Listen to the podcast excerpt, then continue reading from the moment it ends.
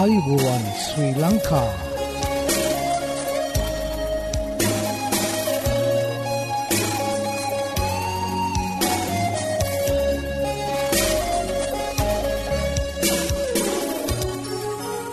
ඔබට සුපදවස මේ Adventist World radio බලාපොරොත්වය හඬ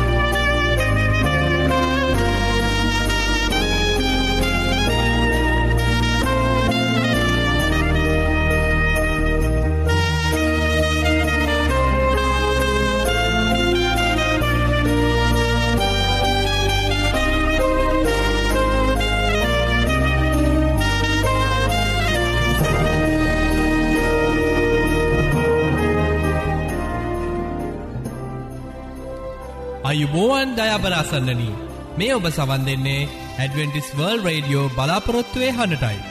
මෙම මැඩසටන ඔබහට ගෙනෙන්නේ ශ්‍රී ලංකා 7ඩේ ඇඩවෙන්ටිස්ට් කිතුරු සභාව විසින් බව අපි මතක් කරන්න කැමති. ඔබගේ ක්‍රස්තියානි හා අධ්‍යාත්මක ජීවිතය ගොඩනගා ගැනීමට මෙම වැඩසටහන රුකුලක් වේය යප සිතනවා. ඉතින් රැදි සිටින්න අප සමඟ මේ බලාපොරොත්තුවේ හඬයි.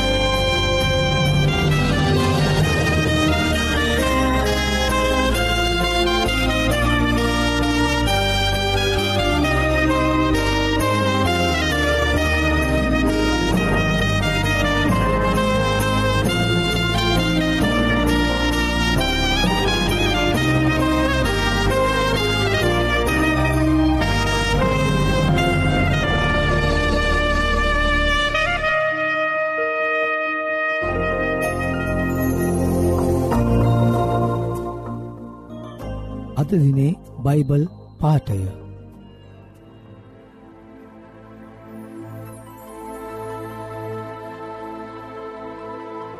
හිතෝපදේශය හත්වන පරිච්ඡේදය. එකේ සිට තුන දක්වා. මාගේ පුත්‍රය මාගේ කීම් රක්ෂා කොට මාගේ ආඥා නුඹ වෙත තබා ගනින්න. මාගේ ආඥා පවත්වා ජීවත්ව යන්න. මාගේ උපදෙස්ද නුබේ ඇසේ කළුරුවාව මෙන් රක්ෂා කරපන්න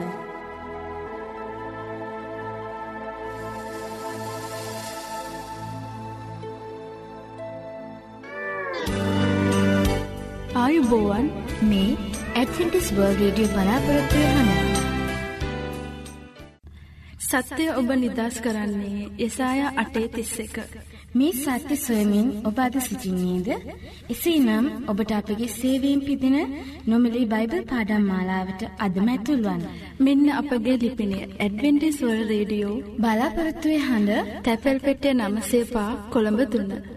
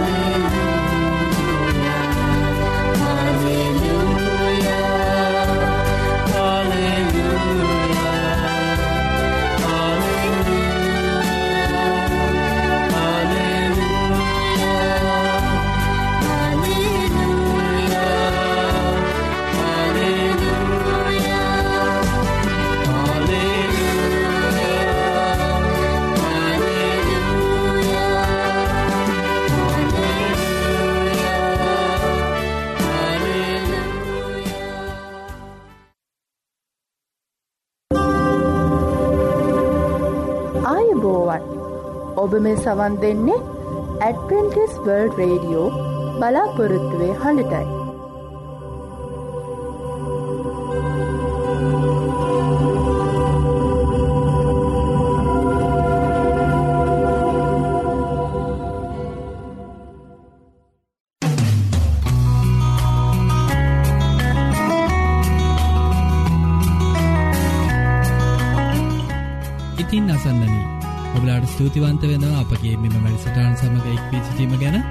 ඇතින් අපි අදත් යොමුුවම අපගේ ධර්මදේශනාව සඳහා අද ධර්මදේශනාව ඔබහටගෙනෙන්නේ විලීරීත් දේවගෙදතුමා විසින් ඉතින් ඔහුගෙනන ඒ දේවවාක්‍යයට අපි දැන් යොමු රැඳි සිටින්න මේ බලාපොරොත්තුවය හඬ.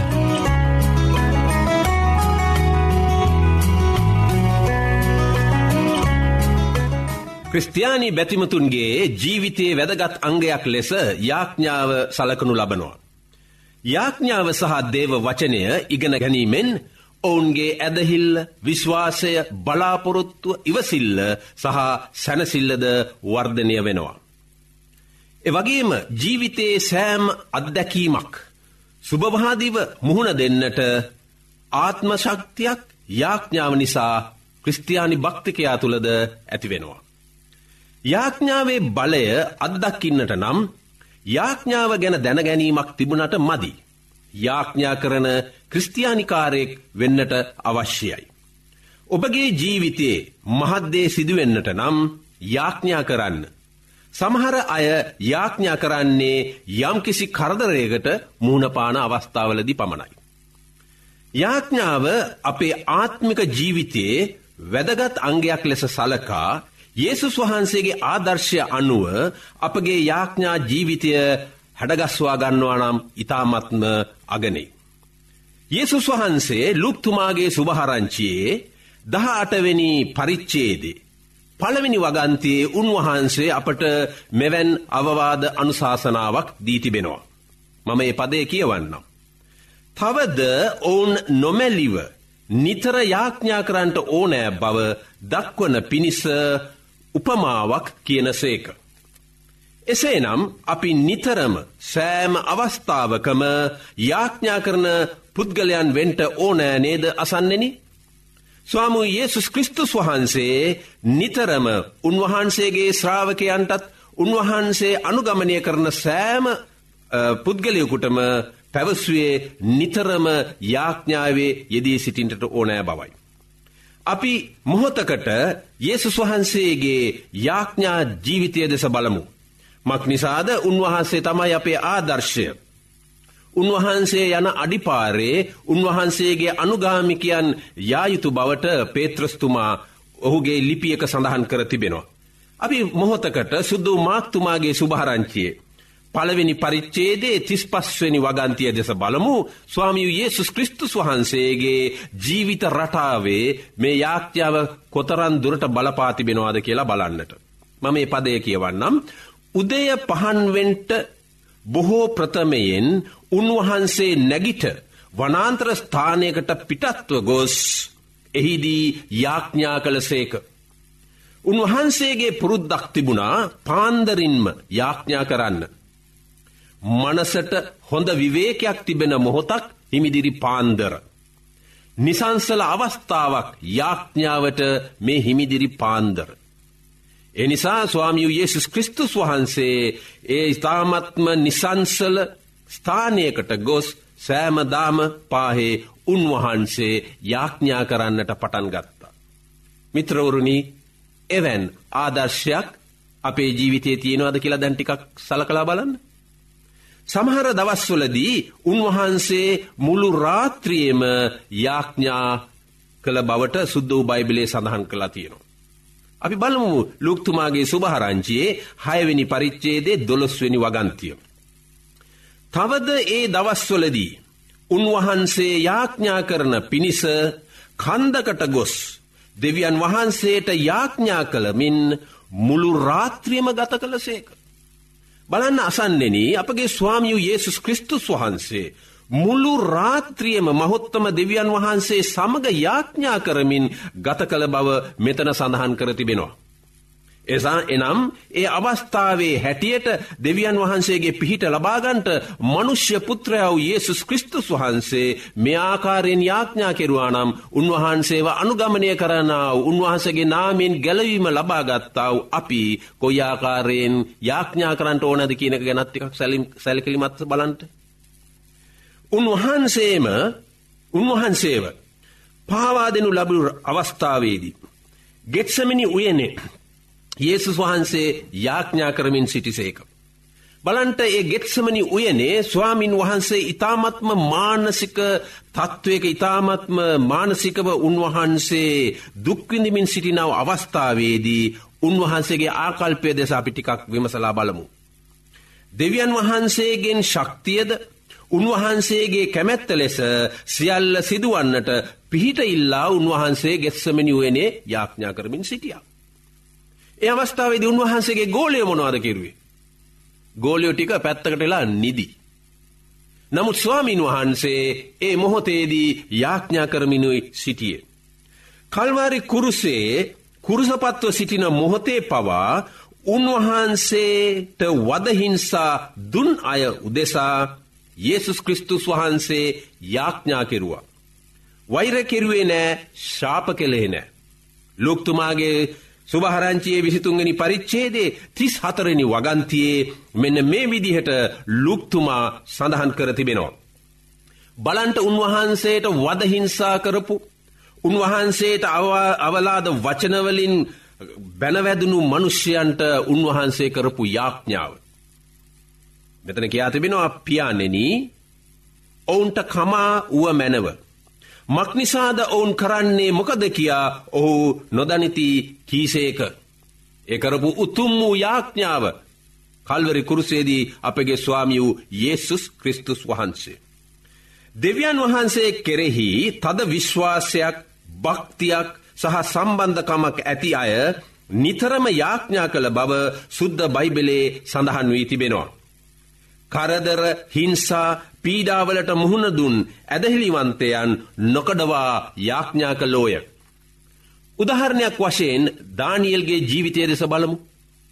දානියල්ගේ සතුරන් ඔහුට එරෙහිව ක්‍රියා කරන අවස්ථාවක ඔහු පසුබට වනේ නැහැ. පලිගිනීමේ චේතනාවෙන් ක්‍රියා කළෙත් නැහැ.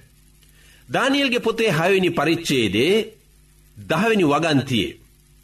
මේ විදිහට ඔහුගේ ජීවිත රටාව යාඥා ජීවිතය ගැන සඳහන් කර තිබෙනවා.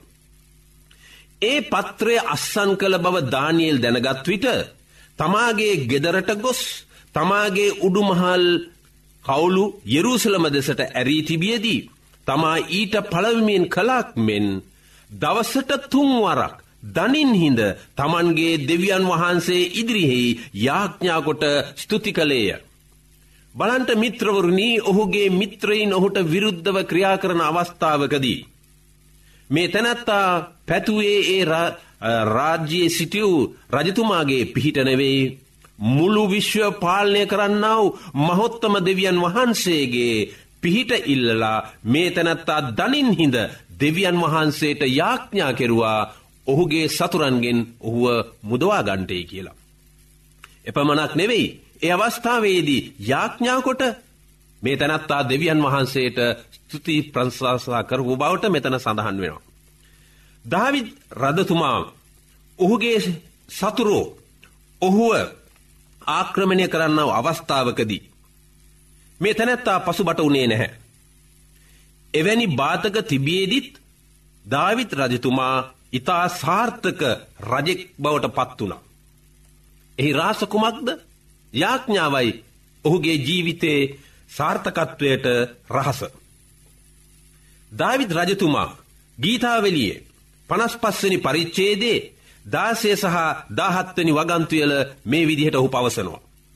මම වනාහි දෙවියන් වහන්සේට යාඥා කරන්නෙමි එවිට ස්වාමින් වහන්සේ මා ගලවන සේක.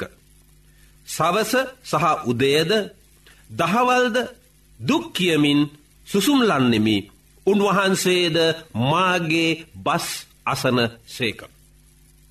බලන්ට මේ තැනැත්තා මේ රජතුමා.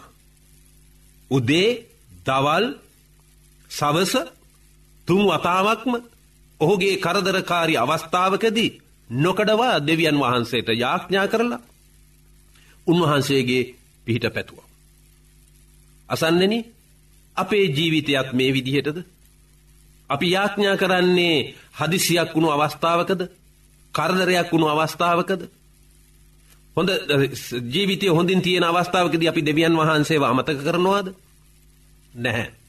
යේසුස් වහන්සේ වගේ දේව භක්තියෙන් යුක්තෝවේ පුරාණ පැරැන්නන් වගේ අපේ ජීවිතයේදී සෑම මොහොතකම සෑම අවස්ථාවකම දෙවියන් වහන්සේ සමඟ යාඥාවෙන් සතුටු සාමිචයේ අපි දෙන්නට අවශ්‍යයි. බලන්න එඩේර ජීවිතයෙන් රජකමට පත්වුණු ධවිත් රජතුමාගේ විශ්වාසය සහ දෙවියන් වහන්සේ සමඟ තිබුණු කිට්ටු සමීප සම්බන්ධකම. ඔහුගේ ජීවිතයේ දුරුවලකම්ද තිබුණා. ඔහුගේ යුද හමුදාවේ සොල්දාදුවෙකුගේ බිරිය කෙරෙහි ආසාාවක් ඇතිවී. ඇගේ ස්වාමිපුරුෂයා මරා ඇයව බිරිය කරගත්තා.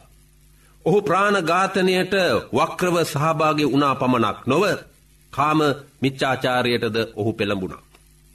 ඔහුට නේදන්නම් අනාගත වාක්තුරුවරයා වරද පෙන්වා දුන් විට ඔහු වරද පිළිගෙන දෙවියන් වහන්සේට යාඥා කලා සමහාව ඉල්ලලා.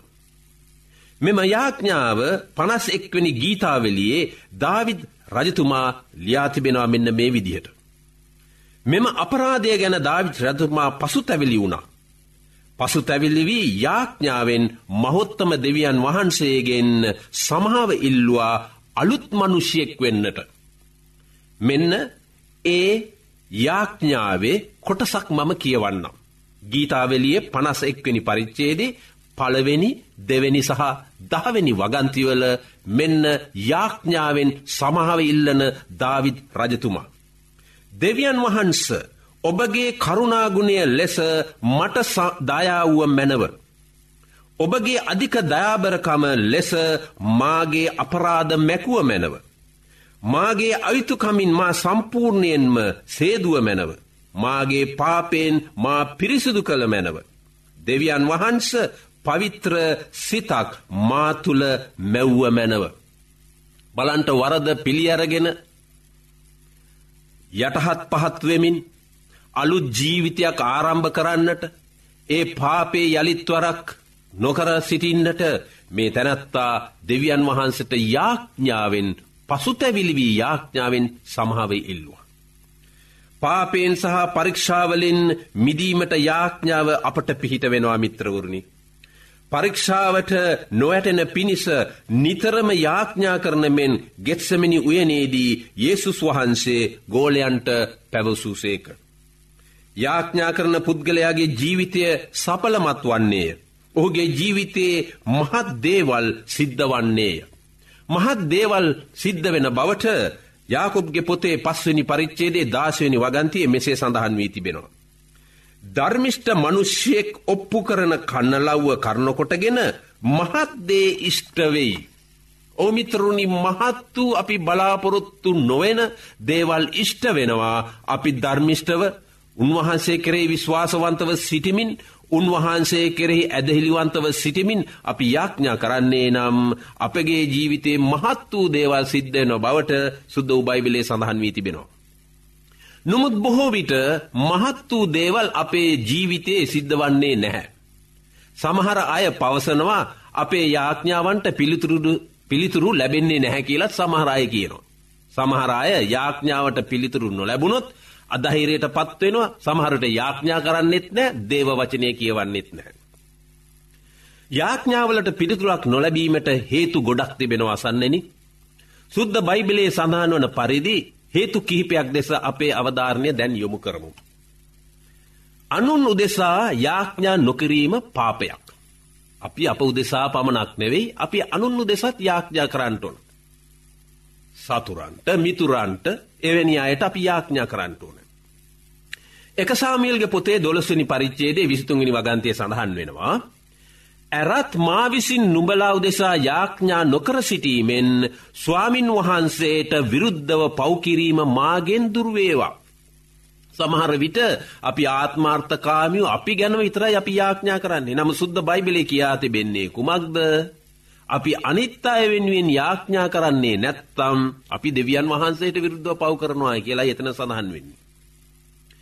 දෙවියන් වහන්සේගේ වචනය සුළුකොට සැලකීම සහ උන්වහන්සේගේ අවවාදයන් පිළි නොගැනීම නිසා යාඥාවන්ට පිළිතුරක්ද ලැබෙන්නේ නැහැ. අපි බලමු හිතෝපදේශ පොතේ පළවෙනි පරිච්චේදේ විසිපස්වනි සහ විසි අටවනි වගන්තිවල අපි අපේ සිත යොමු කරමු. නුඹලා මාගේ සියලු දැනමුතුකම් සුළුකොට මාගේ අවවාදය කොහෙත්ම පිළි නොගත්තොහුය. එවිට ඔවුන් මට හඬගසන නුමුත් මම උත්තර නොදෙන්නෙමි. ඔවුන් බොහෝසේ මා සොයන නුමුත් මා සම්බවන්නේ නැත. මිතරුණි දේව වචනයේ තිබෙන්න්නා ස්වාමින් වහන්සේගේ අවවාද අනුශාසනා සුළුකොට දේව කැමැත්ත වෙනුවට මනුෂ්‍යයන්ගේ පාරම්පරික නියෝග අපි අනුගමනය කරන්නේ නම් මනුෂ්‍යයන්ගෙන් පිහිට පතනවානන් දෙවියන් වහන්සේ වෙනුවට සාන්තුවරයන්ගෙන් පිහිට පතනවානම් ඒසුස් කෘස්තුස් වහන්සේ වෙනුවට අන්නේ අවස්ථාවදි ස්වාමින් වහන්සේ කියනවා මම නුබලාගේ හඬ අසන්නේ නැහැ කියලා. අපගේ සිත්වල අයිතුකම් තිබෙනවා නම් රහස්‍යව අපි පාපයේ යෙදෙනවා නම් එවිටද අපගේ යාඥාවලට පිළිතුරක් ලැබෙන්නේ නැහැ. මේ ඉතාමත්ම පැහැදිලිව ගීතාවලිය හැටහයවෙනි පරිච්චේදේ දහටනි වගන්තයේ සඳහන් කර තිබෙනවා. අයිතුකම් කිරීමේ අභිප්‍රහයක් මාගේ සිතෙහි ඇත්නම් ස්වාමින් වහන්සේ මාගේ බස් නාසනසේක. දෙවියන් වහන්සේගේ විවස්ථාව ඇසීමෙන් තමාගේ කන් ඉවතට හරවාගන්නාගේ යාඥාව පිළිකුලක් බව හිතෝපදේශ පොතේ විසි අටවනි පරිච්චේදේ නමවෙනි වගන්තයේ සාලමොන් රජතුමාද පවසාතිබෙනවා. ස්වාමින් වහන්සේගේ විවස්ථාව අනපනත් කඩකරනවා නම් ඒක පාපයක්. පව් කරන්නාව අයගේ යාඥාවන් වලට ස්වාමින් වහන්සේ සවන් නොදෙන බවටයි මෙතන සඳහන් කර තිබෙන. එසේ නම් මිත්‍රෝත්නි අපගේ ජීවිතය අපි කරන යාඥාවන් වලට පිළිතුරක් ලැබෙන්නේ නැත්තං මෙන්න මේ කරුණු අපේ සිත්වල තිබෙනවාද කියලා ටිකක් සොයලා බලන්න. සමහර විට ලෞකික තෘෂ්ණාවන් ලබා ගැනීම සඳහා කරන ඉල්ලීම්ද තිබෙනවා. අපගේ ජීවිතය විනාශන අන්දමට දෙයක් ඉල්ලුවොත් එයත් දෙවියන් වහන්සේ අපට ලැබෙන්න්නට සලස්වන්නේ නැහැ. අපි යාකොබ්ගේ පොතේ හතරනි පරිච්චේදේ තුන්ගෙන වගන්තයට අපගේ සිත යොමු කරමු. නුඹලා ඉල්ලන නුමුත් නුඹලාගේ තෘෂ්ණා ගැන වියදම් කරන පිණිස වැරදි ලෙස ඉල්ලන බැවින්න ලැබෙන්නේ නැත. දම්මං හිතනවා මේ දේශනාවට දෙමවපියෝ වැඩිහිටියෝ සවන් දෙනවායි කියලා. දෙමවපියනි ඔබගේ දරුවා යම් කිසි හානියක් වෙන විදිහට දෙයක් ඉල්ලුවොත් ඔබ දෙනවාද දෙන්නේ නැහැනේද. ඒවගේ තමයි අපගේ මහොත්තම දෙවියන් වහන්සේ. අපට යම්කිසි විනාශයක් වෙන පරිදි අපි වැරදි ලෙස ඉල්ලනවා නම් දේව ප්‍රේමිය කරන කොටගෙන උන්වහන්සේ අපට දෙන්නේ නැහැ. හොදයිසේනම් අපි සියල්ල ඉල්ලන්නට ඕනෑ දෙවියන් වහන්සේගේ නාමෙන්. නුඹලා මාගේ නාමෙන් කොයි දෙයක් ඉල්ලන්නේද? මම ඒ ඉෂ්ට කරම. අන්න මිත්තුරුණි ඒසුස් kristus වහන්සේගේ නාමෙන් අපි යමක් ඉල්ලන්නේද? අන්න එවිට ස්වාමින් වහන්සේ ඒ සියලු දේ අපට ලැබෙන්නට බලාපොරොත්තුවෙනවා පොරුන්දුවක් තිබෙනවා. එනිසා ක්‍රිස්තුස් වහන්සේගේ නාමෙන් සියලුදේ ඉල්ලන්ට එවිට උන්වහන්සේගේ තේජසේ සම්පතේ ප්‍රකාරයට ඔබලාගේ සියලුම හිඟකම් සම්පූර්ණ කරන බවට පිළිපිවරුන්ගේ පොතේ හතරනි පරිච්චේදේ දහනමිනි වගන්තය සඳහන් තිබෙනවා. ඒසුස් ක්‍රිස්තුස් වහන්සේ සමඟ මිත්‍රයෙක් සමඟ කතා කරනවාමෙන් යාඥා කරන්ට ස්වාමින් වහන්සේ එවිට ඔබගේ යාඥාවට සවන් දෙනව ඇති දෙවියන් වහන්සේගේ ආශිරවාද ඔබ සියලු දෙෙන මහොත්තම දෙවි ස්වාමිනී ඔබහන්සේ පොරුන්දු වී තිබෙන්නේ විපත්ති දවසේදී මට යාඥා කරන්නට එවිට මම නුබට උත්තරදී නුඹව මුදවාගන්නවා කියන්නාව පොරුන්දුව පරිදි ස්වාමීනී මේ වැඩසටහනට මේ දේශනයට සවන් දෙන්නාව සෑම ආගමකට ජාතිකට අයත් සියලුම මනුෂ්‍යයන්ට ඔබ වහන්සේගේ ආශිර්වාද ලැබෙත්වා. ඔබ වහන්සේ කරේ විශ්වාසය තබ ඔබ වහන්සේ යාඥාවට සවන් දෙන ස්වාමින් වහන්සේ ලෙස ඔවුන් පිළිඅරගෙන ඒ විශ්වාසයෙන් ඒසුස් කෘස්තුස් වහන්සේගේද ආදර්ශය ඇතිව ස්වාමීණී මේ අයට ඔබ වහන්සේ ආශිර්වාද කරන්ට යාඥාවට ආශිර්වාද කරන්ට කියලා අපි ඉල්ලා සිටිනවා ඒවගේම ලෙඩදුක්වලින්ද නොෙක් දුක් කම් කටලු කරදර මධ්‍යයේ සිටින්නාව තීරණ ගන්නට බැරි යමෙක් සිටින්නේද මේ අසන්නන් අතරෙහි ඒ සියලු දෙනාට ඔබගේ ඔබහන්සේගේ චිත්ත සාමය ඔවුන්ට උදාවෙත්වා. එවගේම ඔවුන්ගේ අනාගත බලාපොරොත්තු ස්වාමිනි ඔබහන්සේ කෙරෙහි ඇති විශ්වාසය කරන කොටගෙන ධනාත්මක චින්තනයෙන් යුක්තව බලාපොරොත්තුවෙන් ඉදිරියට යන්නට මේ සියලු දෙනාම දිරිමත් කරන්නට ඔවුන්ගේ යාඥාවන්වලට සවන්දෙන්ට කියා ඉල්ලමින් අපේ රටේ සියලු ජාතීන්ටත් අපේ රටේ සියල්ලුම පුරවැසියන්ටත් ඒවගේම රාජ්‍යනායකයන්ටත් ඔබහන්සගේ ආසිරවාද ඉල්ලා යාඥා කරන්නේ යේසුස් වහන්සේගේ අතිමහත් වූ පින්වත්නාමය නිසාමය ආමේ.